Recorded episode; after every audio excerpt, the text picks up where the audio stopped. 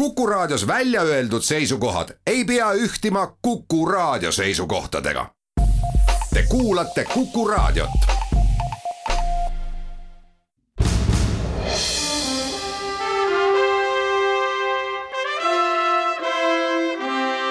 vahetund Postimehega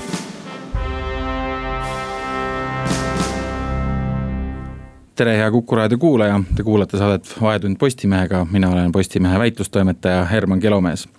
meie saate tänane teemapakett on selline, mis lähematel kuudel saab olema ilmselt suhteliselt tavapärane, me räägime koroonast nii Eestis kui ka maailmas.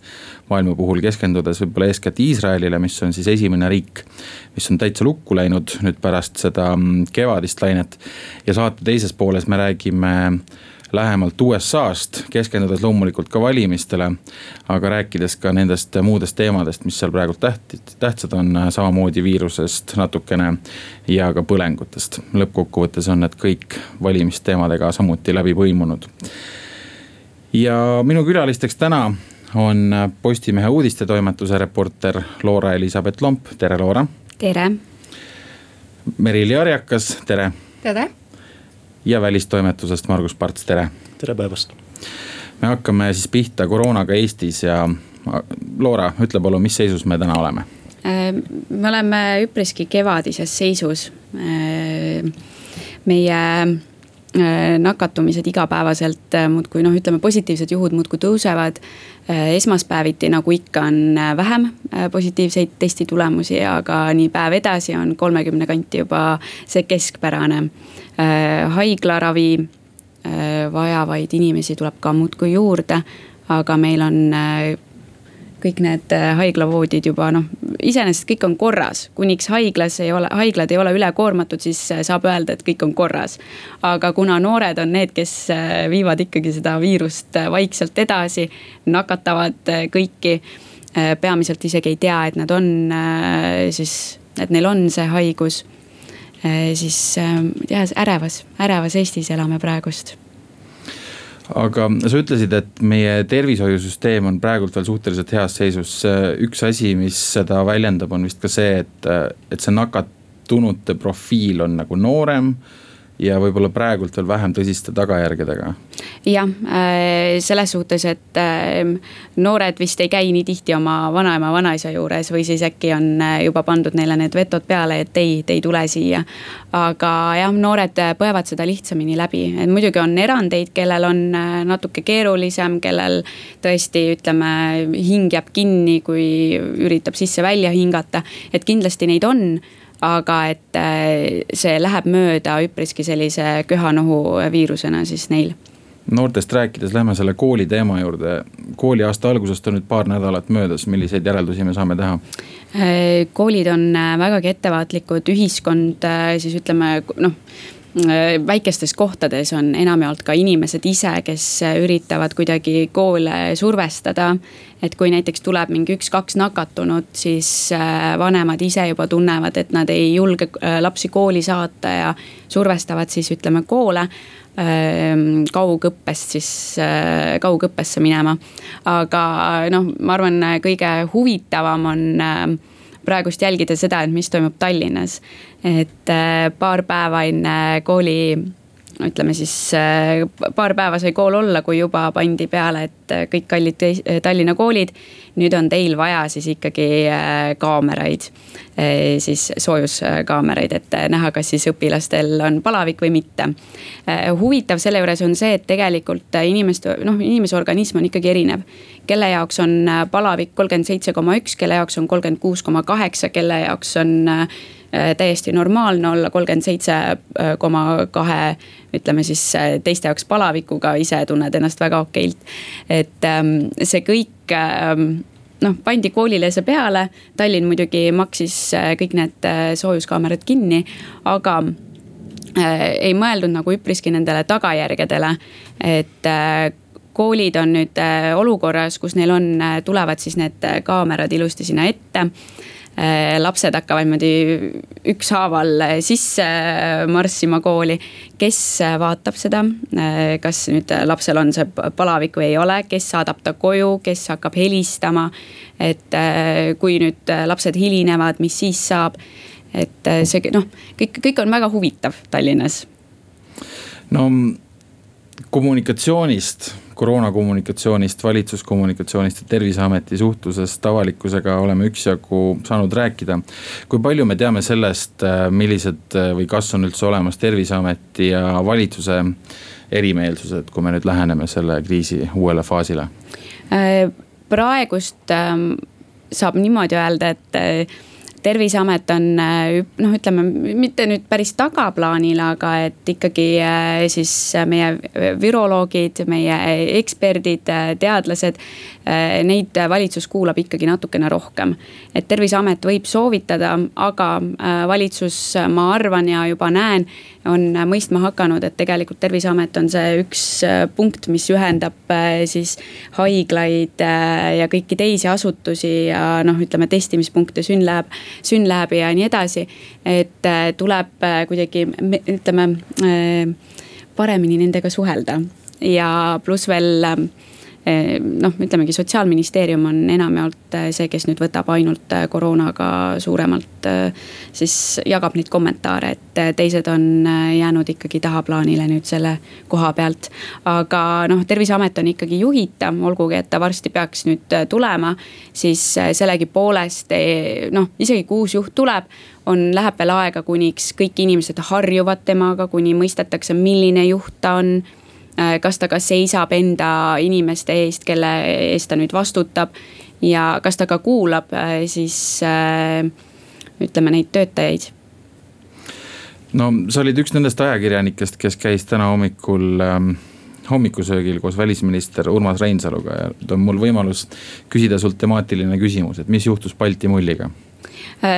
Balti mulliga on väga lihtne, Läti ütles, et Eesti ja Leedu, et kallikesed, et et äh, vaadake, mis teil seal toimub, meil on kõik väga hästi, me, mina, meie ei ole või noh, ütleme Läti siis ei ole nõus tegelikult äh, seda piirmäära tõstma. et äh, Läti kaitseb enda huve täielikult, mis on ka noh, arusaadav, et, et noh, see lihtsalt läkski lõhki kõik et koroonaviirus tuli ja lõhkus meie ühtse kolmiku ära. ja noh, nüüd on, nüüd jääb ainult loota, et Soomega nüüd jääb kõik ikka väga hästi. kas jääb? Eh, noh, ütleme niimoodi, et kuna meie eh, nakatumismäär on üle kahekümne viie, siis eh, karantiinis peame nii või naa olema Soomes, aga et loodame, ma ei teagi, see on meie kõikide enda teha, et kas, kas see nakatumismäär läheb allapoole või mitte, aga loodame, eks Just. nad siis töötavad selle nimel täna ei pea ilmselt enam ka üle kordama, mis on kõik need asjad, alates maskide kandmisest kuni distantsi hoidmiseni, mida me kõik teeme, tegema no, peame, teeme lihtsalt seda.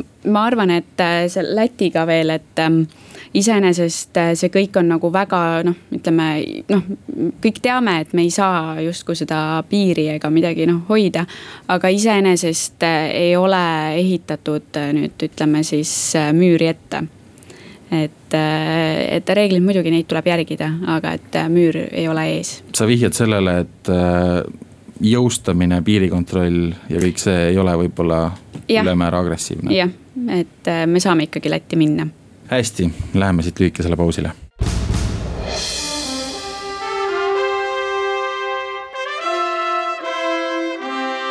vahetund Postimehega vahetund Postimehega läheb edasi koroona teemadel ja avardame pisut pilti ja vaatame seda, mis toimub Euroopas. Margus Parts välistoimetusest, äkki sina saad meile rääkida sellest, et kes on praegult Euroopa suuremad murelapsed? no võime öelda, et äh, kui Loora rääkis enne sellest, et äh, Eesti ja eriti Tallinna koolidel on probleem, kuidas õpilaste temperatuuri mõõta siis äh, ütleme nii, et suurem osa Euroopast äh, vaevleb ikkagi oluliselt tõsisemate probleemide käes. et äh, me oleme siin nagu väiksel rohelisel saarekesel, läheb natukene punasemaks. Mm, aga võrreldes näiteks Hispaaniaga, mis juhib Euroopa koroonatabelit, siis noh, olukord on ikkagi meil väga hea. et Hispaanias on kahe viimase nädala jooksul olnud saja tuhande elaniku kohta kakssada seitsekümmend kaheksa nakatamist. võrdluseks Eestis on siis kakskümmend viis ja kopikad peale Prantsusmaal sada viiskümmend kaheksa, sama näitaja. Äh, paistab, et uus koroonakolle tekib kuskile Kesk-Euroopasse. Tšehhis läheb päris halvasti praegu, seal on saja kahekümne ringis see näitaja. Äh, Austrias samamoodi üle seitsmekümne juba, Ungaris üle seitsmekümne. ja noh, üldiselt ongi niimoodi, et, et meie lähinaabrid on kõige ohutumad piirkonnad Euroopas. lisaks siis veel Poola ja, ja Küpros. Aga igal pool mujal see arv jah, natukene tõuseb. No Merili Arjakas toimetab podcast'e, kui te praegu Spotify's või Apple Musicus või mujal seda kuulate, siis on äh, tema poolt üle käidud failiga tegemist, aga iga kord, kui Postimehes ilmub midagi Iisraeli teemal, on see väga tõenäoliselt Merili poolt kirjutatud. Ja Iisraeli teema me tõstatame praegult sellepärast, et tegemist on esimese riigiga, mis siis täitsa lukku läheb ja, ja alustakski võib-olla sellest, et Merili, äkki sa saad meile natukene tausta avada, et mis, milline on olukord praegult Iisraelis Iisraeli olukord on praegu väga keeruline. Neil on pikalt jõudu kogunud teine laine, mis siis tähendab, et kogu juuli ja augusti oli neil tuhat, kaks tuhat nakatumist päevas. septembri algul hüppas see kolme tuhande nakatumise peale. eile oli juba viis tuhat, täna viis tuhat viissada, ehk siis nakatumine tõuseb.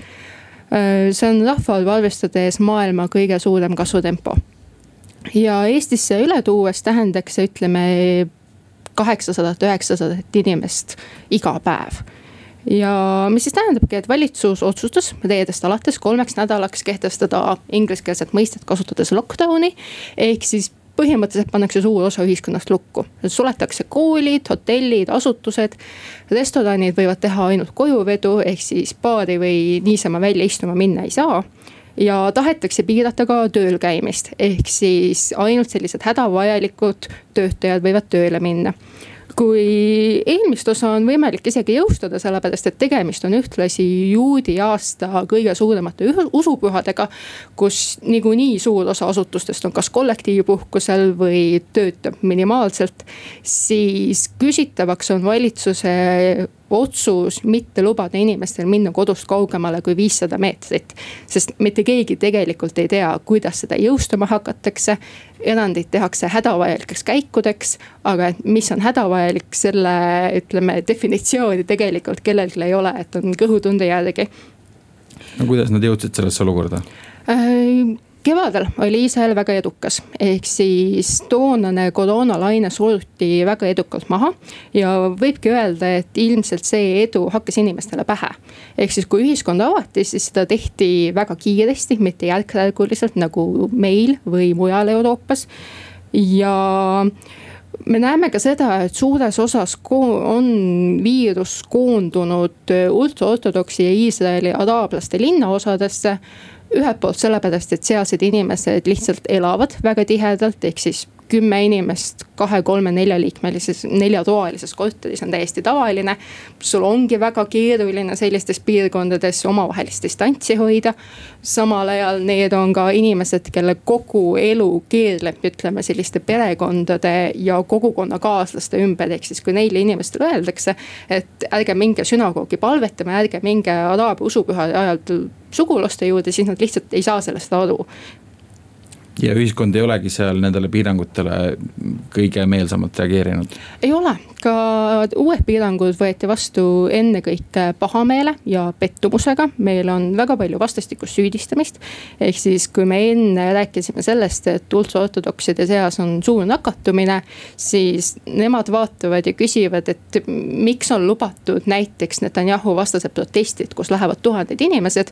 aga et meie ei või oma kolmekümne inimesega kogukonnas palvetust pidada ja samal ajal nüüd mitte nii usklikud osad ühiskonnad vaatavad pealt ja küsivad, et kui nakatumine on koondunud väga suurel määral kahe ühiskonna klassi linnaosadesse, et siis miks meie peame nii palju kannatama nende piirangute all? Ja kindlasti on väga palju süüdistust suunatud valitsuse pihta ennekõike sellepärast, et nähakse, et valitsus on tegelikult oma tegevuses läbi kukkunud, et nad ei ole suutnud selle teise laine ennetamisega piisavalt hästi hakkama saada. no siin ongi hea võimalus rääkida meil äh, peaminister Benjamin Netanyahu poliitilisest positsioonist, et millised tema valikud selles olukorras on olnud ja millised, milline on olnud tema käitumine hmm,? Netanyahu nagu iga teine poliitik ennekõike on proovinud kriisist kasu lõigata ehk siis see on andnud selles mõttes talle hea võimaluse juhtida tähelepanu ära enda vastu esitatud korruptsioonisüüdistustelt ühtlasi koroonaviiruse tõttu tuli mais kokku ühtsusvalitsus Netanyahu ja tema suure võistleja Benny Gantsi vahel. eelmisel aastal pidas Iisrael maha kolm valimist, sellepärast et nad ei suutnud valitsust kokku saada. ja see on andnud Netanyahule võimaluse peaministri toolil edasi istuda samal ajal ei ole Netanyahul palju häid valikuid, sellepärast et tema koostöö Gantsiga ei ole sujunud tõepoolest Netanyahu on väga palju tõrjunud otsustusprotsessist kõrvale sõjaväge. sellepärast, et Kants on kaitseministriks ja ta lihtsalt ei taha Kantsiga koostööd teha. see on ka järjekordne põhjus, miks see koroonaviirusega hakkama saamine ei ole olnud neil väga edukas.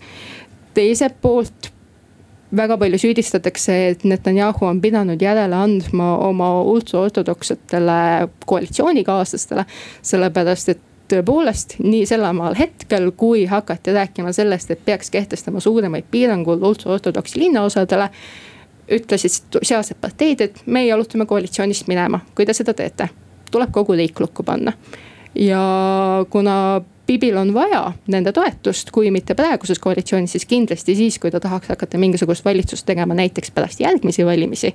ilma Kantsita, siis ta ei saa neile ka lihtsalt niisama ei öelda kui palju meil on aega järgmiste valimisteni?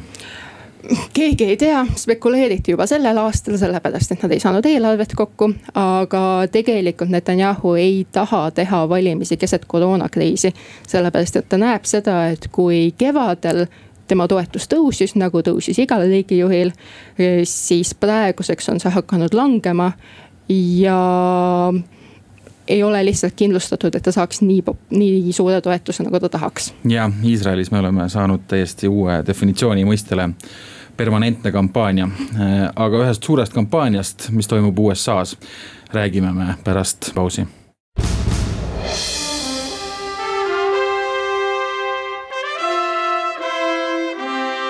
Vahetund Postimehega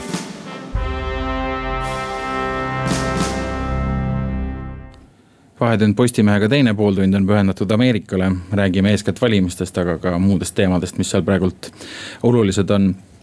Äh, Trumpi ja Bideni vastasseis on hetkel suhteliselt Bideni kasuks, võib võib-olla isegi öelda, et Biden on üsna selge favoriit. üleriigilistes küsitlustes on tema edu seitse protsenti ja kuigi meile meeldib ähm, nendes aruteludes korrutada, et USA valimised otsustatakse mitte üleriigiliselt, vaid osariikides. siis ähm, noh, olukord, kus ähm, keegi juhib enne valimisi seitsme protsendiga on ikkagi selline, kus on ülimalt ebatõenäoline, et see osariikide kombinatsioon kukub kuidagi niimoodi välja, et, äh, et, et äh, rahvahääletuse võitja ikkagi kaotab. Äh, Bideni suurim murelaps praegult on ilmselt Pennsylvania osariik, mis on siis tema koduosariik või noh, sünniosariik, ta on sündinud äh, Scrantoni linnas, mida Eesti inimene teab võib-olla kõige rohkem telesarjast Office, äh, sealse toimumispaigana. aga mis on oma olemuselt selline tööstuslinn ja ka osa sellest äh, roostevööndist, mis on võib-olla majanduslikult natukene maha jäämas, kus on pigem rohkem valgeid kõrghariduseta inimesi ja, ja üks nendest kohtadest kindlasti, mis äh, Trumpile kahe tuhande kuueteistkümnendal aastal üllatusliku võidu tagas seal osariigis. nii et noh, Pennsylvania on äh, Bidenile üsna tähtis ja see, et äh, tema toetus seal on kusagil viie või neljakümne, nelja koma üheksa protsendi kandis, on iseenesest nagu okei okay aga teisest küljest eksimus või küsitluste eksimus nendes osariikides, just seal roostevööndis, Michigan, Wisconsin, lisaks Pennsylvaniale oli näiteks kahe tuhande kuueteistkümnendal aastal üsna selle nelja-viie protsendi lähedal. nii et selles mõttes ähm, ei ole tema positsioon nii kindel võib-olla, kui see seitsmeprotsendine edu ähm, annaks, lubaks arvata nüüd Trumpi koda, koduosariik jällegi nendel valimistel erinevalt eelmistest valimistest on äh, Florida. Äh, kui ta varem oli sisse kirjutatud Trump Towerisse, siis nüüd on ta kirjutanud ennast sisse oma Mar-a-Lago kuurorti ja ja samamoodi nagu Pennsylvania Bideni jaoks on Florida ilmselt Trumpi jaoks on kõige olulisem osariik, et hästi keeruline on näha, kuidas ta saaks kaotada Florida. aga samal ajal ikkagi valimised võita, et teoreetiliselt võiks see juhtuda juhul, kui ta kaotab Florida, aga võidab kõik muud osariigid, mis ta ka kaks tuhat kuusteist võitis. aga siin tekib nagu küsimus korrelatsioonidest, et kui sa Florida juba kaotad, et mis, kui suur on tõenäosus, et sa võidad kõigis nendes teistes, kus Biden juhib praegult palju suurema edumaaga kui, kui Floridas aga Margus Parts taaskord välistoimetusest nüüd numbreid kõrvale jättes, mis on praeguste USA, USA valimiste peateemad? no tead, ma lisan natukene siia lõppu ja kommentaari, et mina ei oleks üldse nii kindel, esiteks äh, selles, et Bideni šansid on väga head. Äh, üks asi, mida vahepeal toonitatakse, on see, et Trumpil on oluliselt rohkem nii-öelda kapi hääletajaid. Kes ei tunnista, äh, et nad valivad Trumpi ja kes ei registreeri ennast võib-olla vabariiklasena aga kes tulevad võib-olla lõpus välja ja valivad ikkagi Trumpi, no see on niisugune spekulatsioon, vähemalt see töötas aastal kaks tuhat kuusteist. aga elame-näeme, äh, no peateemad, kui sa nüüd enne reklaamipausi ütlesid, et Iisraelis on näha permanentset kampaaniat, siis mul on tunne, et Ameerika Ühendriikides on selline permanentne kaos sellepärast, et esiteks riigis on maailma kõige kõrgemad koroonanäitajad endiselt. tänaseks päevaks on kuus koma kuus miljonit natukene peale inimesi siis nakatunud Covid-19-ga. Eh, ja noh, üks peateema ongi loomulikult siis koroona. Loomulikult hiljutised protestid, Black Lives Matter, kõik identiteedipoliitika küsimused. aga ma printisin siin välja ühe toreda tabeli, mille on koostanud uurimisfirma Pew Research Center. kus on siis ära toodud Bideni toetajatele olulised teemad ja Trumpi toetajatele olulised teemad Äh, on päris palju kokkulangevusi, loomulikult mõlemale on oluline majandus, äh, mis on siis ka kokkuvõttes kõige olulisem teema valijate jaoks. Äh, teisel kohal üldkokkuvõttes on tervishoiuteemad, mis on tänasel päeval väga mõistetav, eks ole. Aga siin on väga huvitav erinevus, Bideni toetajad näevad kaheksakümne, kaheksakümne nelja protsendi jagu, et see on oluline teema. Trumpi toetajad ainult nelikümmend kaheksa protsenti Äh, järgmisena tuleb äh, mõned, mõneti võib-olla üllatuslikult äh, ülemkohtu kohtunike määramine, määramise teema. nüüd, miks on ülemkohtu kohtunike määramine oluline? on see, et neid määratakse sisuliselt eluks ajaks. Kuna paar kohtunikku on juba seal väga-väga kõrges vanuses, siis põhimõtteliselt, kes saab järgmiseks presidendiks, saab määrata ülemkohtuniku kui Trump võidab uuesti, siis tema võib määrata vabariiklasest ülemkohtuniku, mis tähendab sisuliselt seda, et ülemkohus, mis otsustab väga-väga paljusid asju Ameerika Ühendriikides või vähemalt, vähemalt millel on väga paljudes asjades viimane sõna. Eh, on siis eh, võib-olla aastakümneteks vabariiklaste käes. Eh, ja noh, teemadest edasi jah, tuleb siis koroonapuhang üldisemalt, vägivaldsete kuritegude teema, siis välispoliitika ja nii edasi ja nii edasi. Ja no neid teemasid, mida sa välja tõid, ähm, on tehtud küsitlusi ka selle kohta, et äh, noh, see sinu küsitlus räägib siis sellest, on ju, et kui tähtis on mingi teema äh, mingisuguse kandidaadi valijatele ja kui nüüd vaadata seda, et äh, olukorrad, kus on pandud Biden ja Trump vastamisi, et keda sa usaldad rohkem või kes saaks paremini hakkama mingisuguse teemaga. siis äh, koroonaviirus on ilmselt Bideni leivanumber, seal on tal kõige tugevamad äh,, tugevam toetus. ja kui Trump vist ise on intuitiivselt arvanud ja võib-olla tema kampaania on sedasama arvanud, et see rahutused ja protestid äh, ja, ja see, mida ta nimetab korratuseks, on, on temale selline mm, edutoov teema, siis seda ei ole küsitlused kinnitanud, et tegelikult usaldatakse Bidenit rohkem ka, ka kõigis nendes teemades ehm, ja sa ütlesid ka seda, et majandus on nende valimiste peateema ja see on ilmselt äh, Trump, siis tege-, Trumpi tegelik leivanumber. Äh, see on see üks teema, kus ta on stabiilselt äh, olnud ähm, valijate soosik, see tähendab et, et üle viiekümne protsendi inimestest arvavad, et ta saab majandusega, majandusega hästi hakkama ja, ja mõle-, on näha, et mõlemad kandidaadid on hakanud nagu pöörduma selle teema poole. seda näeb esiteks sellest, et milliseid reklaame ostetakse, äh, millistel teemadel. ja kui tuli välja siis eelmisel nädalal Bob Woodwardi äh, pikaaegse Washington Posti ajakirjaniku ja, ja Nixoni äh, Watergate'i skandaaliga seoses juba kõikvõimalikke tähtsaid paljastusi teinud ajakirjaniku raamat, mis, mis Trumpi administratsiooni suhteliselt negatiivses valguses äh, näitab. siis, siis Biden pidigi algselt adresseerima selles nagu majandusteemasid, kui ta oli parajasti Michiganis siis noh, kampaaniaüritus, ma ei tea, kas on õige öelda, kui seal publikut ei ole, noh kaamerate ees ta vähemalt esines. et, et ta pidi hakkama juba rääkima majandusest ja, ja tegema seda majandust enda kampaania peateemaks just selleks, et siis vähendada seda vahet selles ühes küsimuses, kus ta ikka Bidenile alla jääb. aga noh, siis tuli jah, see Woodwardi raamat ja, ja ta pidi rääkima ikkagi sellest Woodwardi raamatust, et nüüd homme CNN korraldab sealsamas Scrantonis, Pennsylvanias Bideniga äh, no kuidas seda eesti keeles nimetada, kõige lihtsam on öelda, et see on rohkem nagu selline intervjuu või, või kohtumine teatud valijatega Äh, ja, ja noh, see fakt sellest, et, äh, et CNN ja Biden on ilmselt Bideni soovil äh, leppinud kokku, et see toimub Scrantonis, on ka märk sellest, et, ähm, et Biden tahab rääkida majandusest ja, ja Trumpi reklaamiostud kinnitavad ka seda, et kui varem oli hästi palju seda protestide ja rahutuste teemat, siis nüüd on majandus ikkagi selgelt esikohal. minu jaoks on tegelikult suhteliselt ebaselge, et mis selle majandusega lähema kahe kuu jooksul juhtuma hakkab.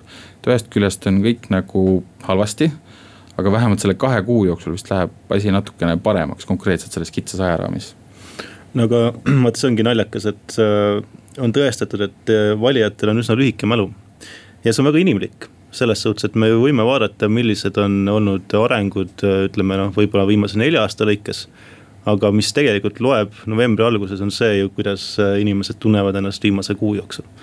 nii et noh, jah, loomulikult me ei tea, kuidas majandus välja kukub on tõenäoline, et majandus taastub mingil määral, sest ilmselt mingisugune põhi oli juba ära. Äh, suvel, kui registreeriti ju rekordiline töötuse näitaja ja nii edasi. et äh, jah, täiesti võimalik, et äh, Trumpi leivanumber toob talle ka seekord leiva lauale või noh, kui mitte lauale, siis vähemalt toob teatud arvu hääli kotti. noh, mis täpsemalt juhtuma hakkab, no ei tea. katsume spekuleerida vähemalt sel teemal pärast lühikest pausi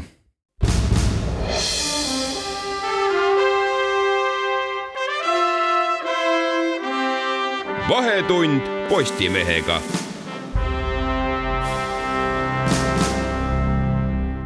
Ja viimane veerandtund saates Vahetund Postimehega, räägime USA valimistest edasi ja Margus, kas sa saad teha meile ülevaate sellest, millega kandidaadid viimastel nädalatel tegelenud on?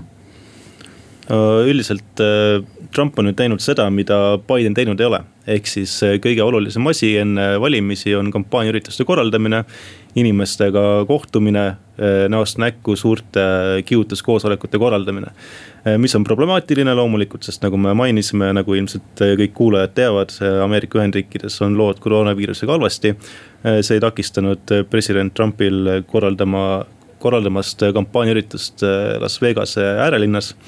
nüüd oli see vist pühapäeval jah, kus oli siseruumidesse kogunenud muidugi mitu tuhat inimest maske kandsid vähesed, äh, ühe väga tähtsa erandiga maske kandsid inimesed, kes olid paigutatud poodiumile Trumpi taha. Äh, mida filmisid siis videokaamerad.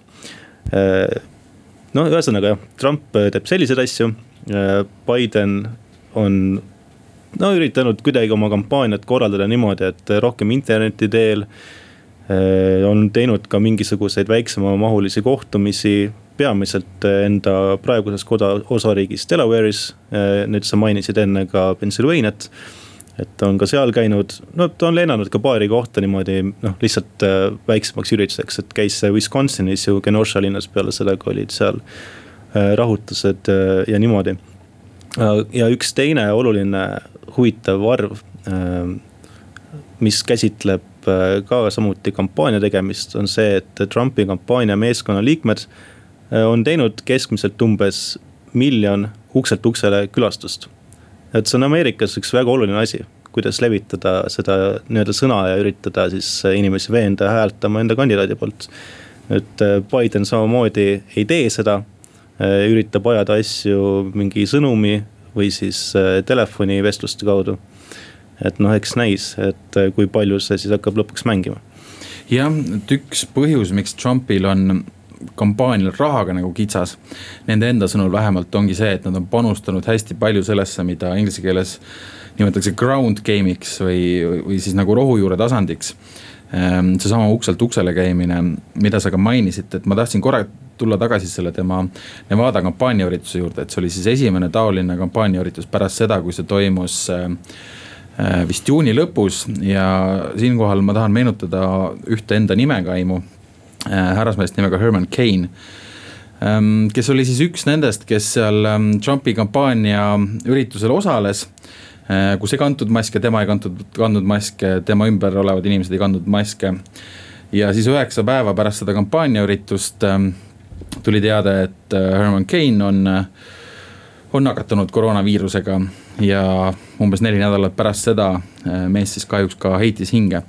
On siis üks äh, selline tähelepanuväärne, oli mustanahaline konservatiiv ja kes kahe tuhande kaheksandal aastal ka ise presidendiks kandideeris. kui siin üldse need äh, tõejärgse ajastu mitmeid näiteid vaadata, siis võib-olla kõige eredam üldse on see, kuidas kümme päeva pärast Herman Caini surma ilmus tema Twitteri kontol teade, et koroonaviiruse oht on ülepaisutatud. tema siis kampaaniameeskond oli seal üle võtnud et millega lõpeb see kampaania, no ma nägin kaadreid sellest, see kampaaniaüritus konkreetselt, ma nägin sellest kaadreid, inimesed istusid ikka väga koos teineteise taga ilma maskideta.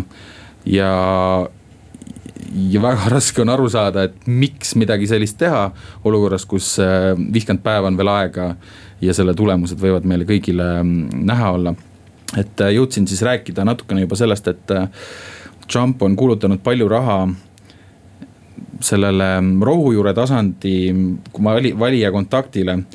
Äh, no kui me oleme siin Margusega varasemalt sel aastal rääkinud sellest samast ähm, võidujooksust, siis, siis on Biden olnud üsna palju maas just rahastuse osas, et see, et kui palju ta saab kulutada raha reklaamile ja muudele kampaania elementidele, et see jõudude vahekord on nüüd täiesti muutunud Äh, Trumpi puhul räägitakse juba muremõtetega sellest, et, ähm, et on mingisugused hästi olulised osariigid, kus ta justkui nagu ei võitlegi enam Bideni vastu ja, aga noh, laias laastus toimib see loogika, et Trump üritab kaitsta neid samu osariike ähm, kus ta kahe tuhande kuueteistkümnendal aastal võitis ja Biden pühendab kõige rohkem jõudu just sinnasamasse roostevööndisse ikkagi.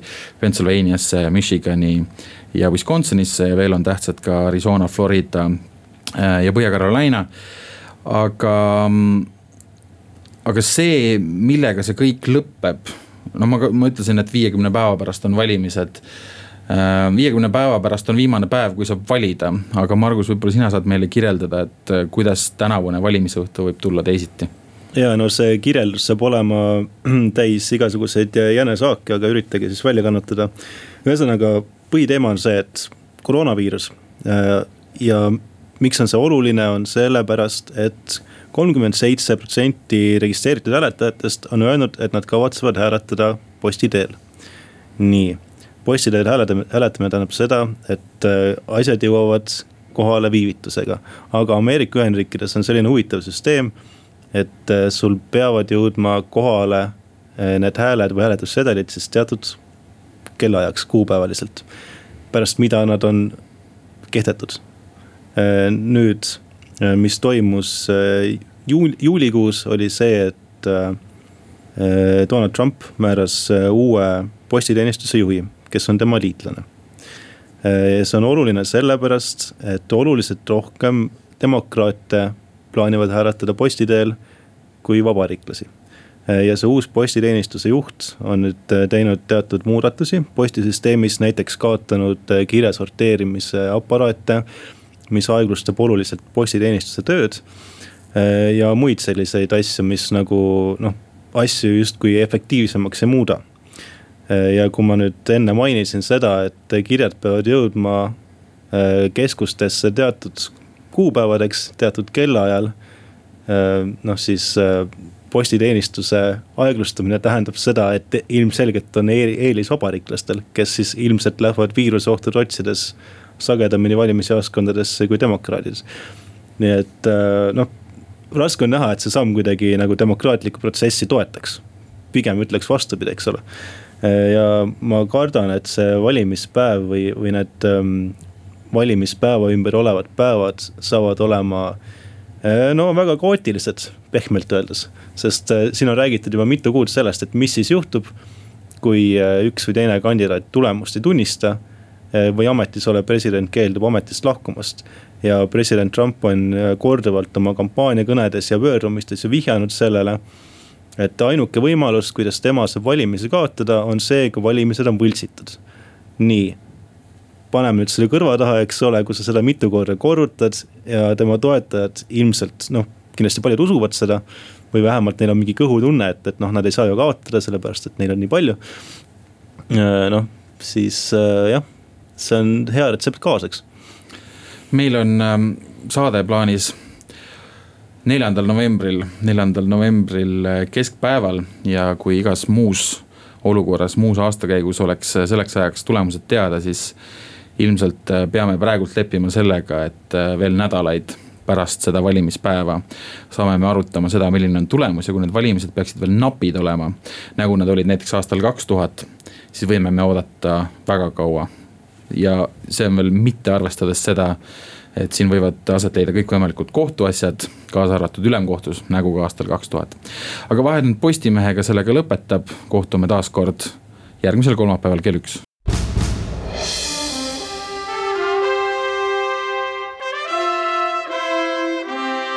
vahetund Postimehega